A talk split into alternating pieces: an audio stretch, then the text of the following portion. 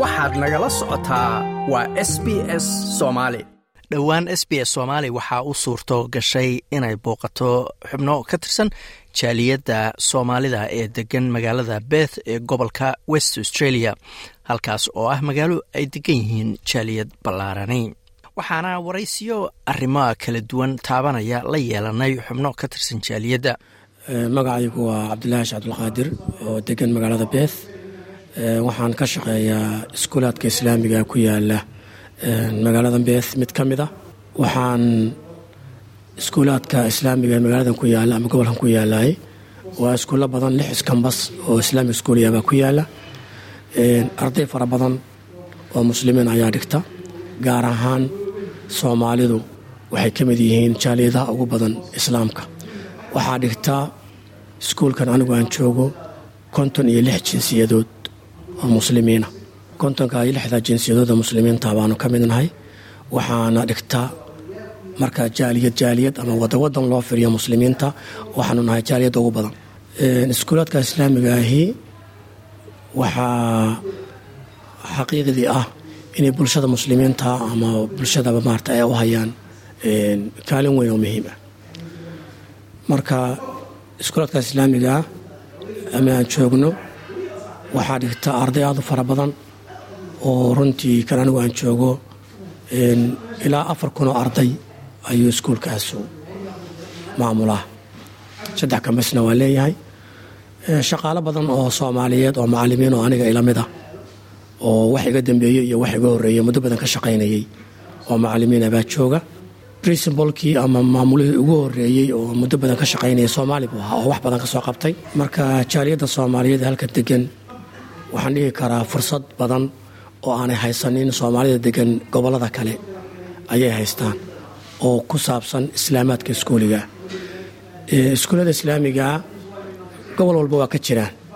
Laakiin ujeeddadan sheegaya waxaa weeyaan iyo fursadahaasi kow helitaankooda ama weyting liiskooda ama in la galaay way ka fududahay oo way uga sahlan tahay maadaama iskuulaadkii badan yihiin.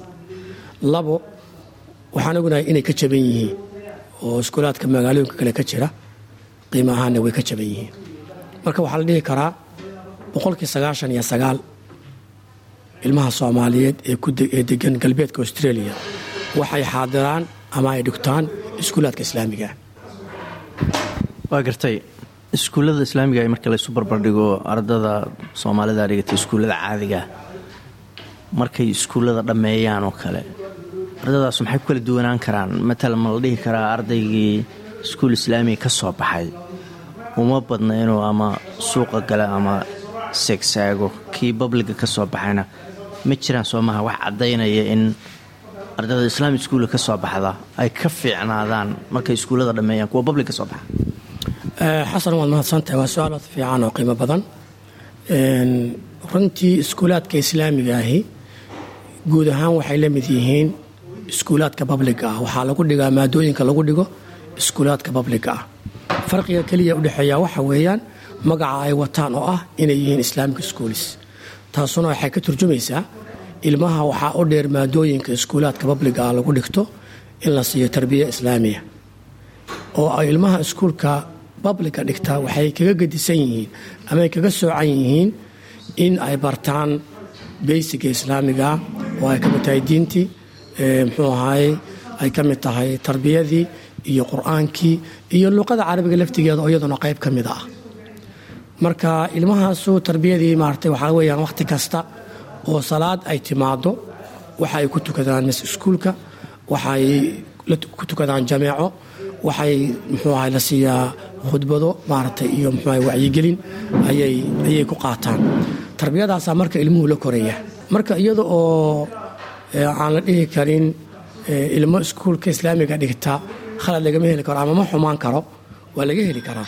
Laakiin waxaan is leeyahay mar walbaba ilmaha aan helin labaiyo toban sano inuu qaato mawaadooyin diiniya wuu ka gedisnaanayaa mar kastaba ilmihii labaiyo toban sannadood oo xidhiidh ah iskuulka dhiganayay oo intuu ka bilaabay xanaanada b primary iyo kindi ka bilaabay yeerto alif ku dhameeyey markuu ka baxo waxaan aad iyo aad aragnay ognahay qof walbana dareemi karaa inuu farqi u dhaxayn doono isaga iyo ilmaha babliga dhigtay.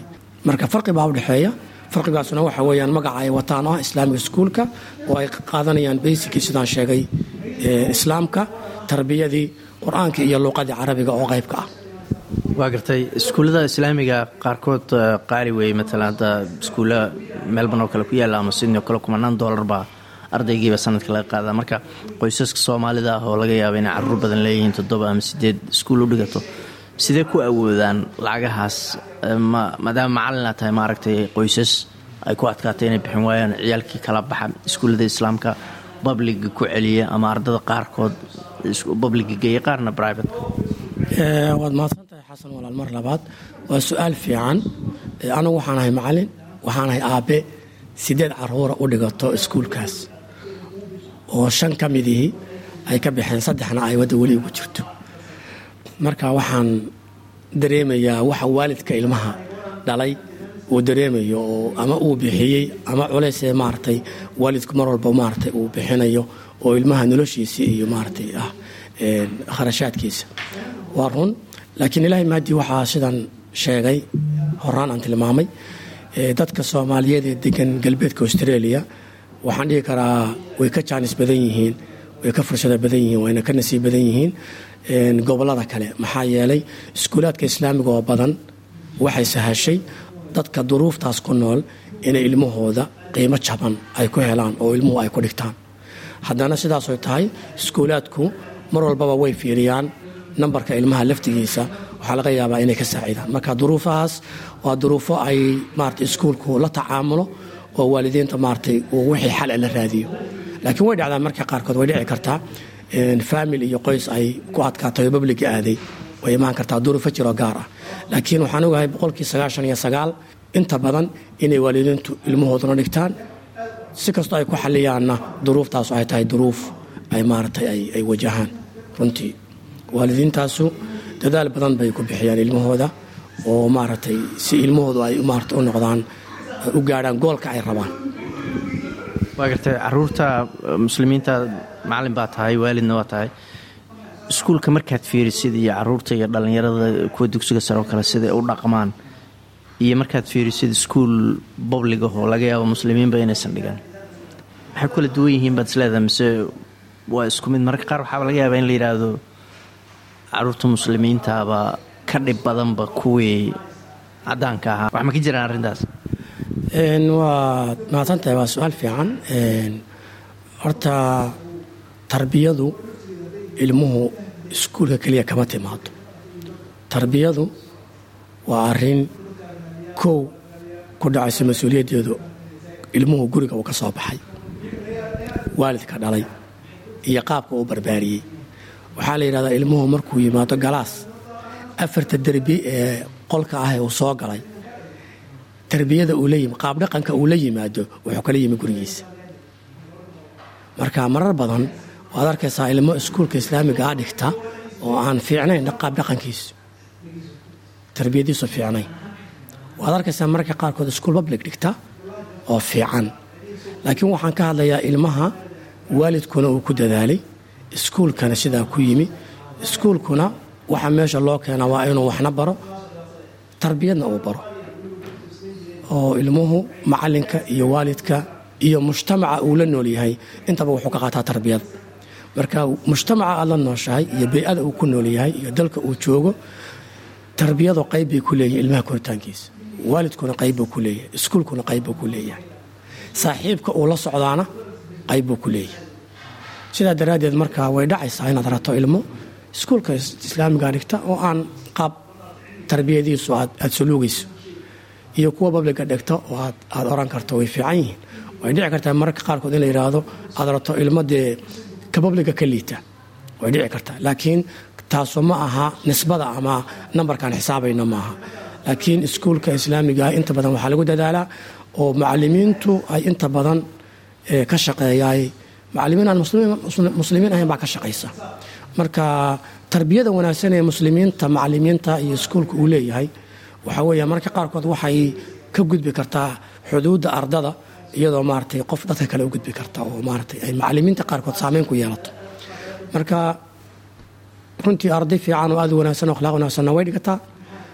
Arintaasna waa arrin babligana laga heli karo ilmo khaldame ama xun ama tarbiyad xun ama akhlaaq xun iskuulka islaamigana waa laga heli karaa. Ugu dambeynta marka muslimiinta ama jaaliyadda muslimiinta magaaladan degan ama gobolkan degan iyo markaa fiirisid xiriirka u dhexeeya dowladda w a ama shacabka guud ma jirtaa cunsuriyad ama islaam nacayb mararka qaarkood daraasadaha la soo saaraa haween muslimiinahoo xijaab wato ama dhibaato tareen lagu sameeyey markaad guud maqashid macalimiintii baad aragtaa ardadii baad aragtaa waalidiintii baad aragtaa ma jirtaa cunsuriyad ama islaam nacayb ma jira w a ama beth runtii waa su'aal fiican. Waxaan u malaynayaa muslimiintu waxay ka mid yihiin dadka jaaliyaadka ah ee dalkan degan wadankuna waa multicultural qof walba diintiisa iyo dhaqankiisa xor buu u yahay. Qof walba markuu australia imaanayay wuu ogaa. Dowladda australia waxay soo qaaday dad maaragtay ay caawinaysay oo maaragtay wadankeeda inay degaan oo communitiga ka mid noqdaan ay ugu talagashay oo kulligood wada nadiif ahaa oo marat dad wanaagsan ahaa. Marka bulshada soomaalidu waxay ka mid tahay bulshooyinka muslimiinta dalka soo degay. Duruufaha muslimiinta dalkan degan ay qabaan ayay la qabaan dhammaantood. Wixii maaragtay ay la wadaagaan gobollada oo dhan waa isku mid. Marka waxaan dhihi karaa duruufta waxay la qabaan dhammaan muslimiinta ku nool gobollada kale ee muxuu ahay wadanka aan degannahay. Marka wax gaari ma jiraan fadmaasatay xasan waxaan kaaga mahad celinayaa in runtii aad na soo booqato oo safarka intaa leeg aad u soo gasho bulshada soomaaliyeed. Bulshada soomaaliyeed dad badanoo waxay leedahay waxgarad ah oo maaragtay kaalimo badan ugu jira odayaashu kaalin bay ugu jiraan bulshada soomaaliyeed wariyayaashu kaalin bay bulshada soomaaliyeed ugu jiraan waxa weeyaan culummadu kaalin bay ugu jirtaa aqoon-yahanku kaalin buu ugu jiraa hooyooyinkuna kaalin bay ugu jiraan dhallinyaraduna kaalin bay ugu jirtaa. Marka waxaan aad iyo aad kaaga mahad celinayaa inaad soo safartay safarka intaa dheraleeg noo timi bulshada qaybaheeda kala gedisanna. Aad la kulantay duruufta aan ku noolnahayna runtii aad aad ogaatay. Waxaan aad iyo aad markaa rajaynaya insha allahu tacaala. Qofka kulliba waxaa laga yaabaa soo dhaweynta aad naga mudaydin aanaan ka helin laakiin waxaanu ku leenahay. Waa kaaga mahad celinaynaa abaal baanu kugu haynaa. Waxaan rajaynaynaa marar kaloo fara badanna inaad na soo booqato oo adiga iyo muxuu ahaayey asxaabtaadaba kula shaqaysa oo hadhowto ku caawin doonta ama kula shaqaysa waxaan leenahay bulshada soomaaliyeed waxaad u haysaan iyo kalintaad ugu jirtaan waad ku mahadsantihiin. Maasha allah aad baa umahadsantaha odayaasha qaybta lixaad kale ka qaata mid baa nagala jooga halkan. Marka odagana bal weydiinaynaa arrimaha jaaliyadda iyo reer west australia ama w a bal waxa kaga dari laha bismillaah wasalaatu wasalaamu calaa rasuulilah magacay waa maxamuud maxamed cajab degan west australia awalla ka soo guuray gobolka victoria khaasatan magaalada melbourne. Maasha allah halkan xasan lagu soo boqotay aad baan kuu bogaadinayaa. Magaaladan beth galbeedka australia soomaali badan baa ku nool. Inkastoonan hadda hayn tirada guud ee tirakoob guud oo aan dhaho waa intaas. Laakiin adigu dad lagu qadaray ilaa lix kun iyo shan kun inta u dhaxaysa baa halkan ku nool haddii dadkan la qaybsho waa dad intooda badan dhallinyaro u badan intooda badan families aada u badan oo dhallinyaro badan leh ayay ku nool yihiin.